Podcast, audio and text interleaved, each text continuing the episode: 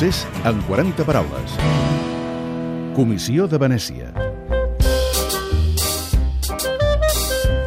El qui va posar sobre la taula del procés la fins aleshores desconeguda pel gran públic Comissió de Venècia va ser Joan Coscubiela, el portaveu parlamentari de Catalunya sí que es pot.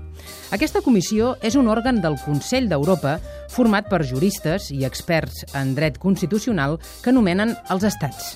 Va néixer als anys 90 per assessorar en la transició a la democràcia les noves repúbliques sorgides amb la desaparició de l'URSS.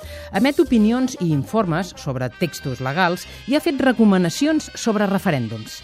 Els comuns, que demanen un referèndum amb garanties i reconeixement internacional, veuen en aquesta comissió el referent europeu en matèria de referèndums que podria posar a un referèndum català un segell de qualitat i de serietat als ulls del món.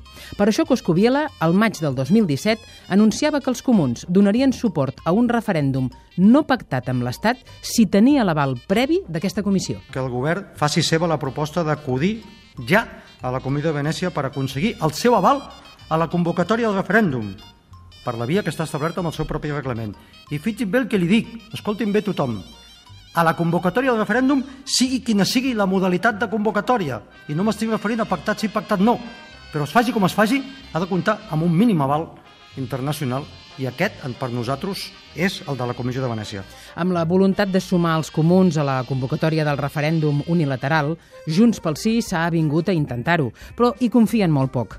Subratllen que és un òrgan format per juristes elegits pels estats i que només els estats poden demanar-li parer. Però els comuns hi veuen l'escletxa que puguin ser o parlamentaris estatals o càrrecs electes municipals els qui facin la petició. Sigui com sigui, què demana la comissió per, diguem-ne, donar el vistiplau a un referèndum?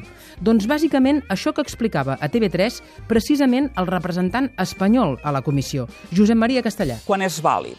Quan l'aprova eh, una àmplia majoria a través d'una llei. No pot ser només la majoria conjuntural, sinó que ha de ser una majoria ampla. Segona, que participin en la aplicació, en, en, per tant, en la preparació de la votació, etc també l'oposició, és a dir, han d'estar-hi totes les parts implicades.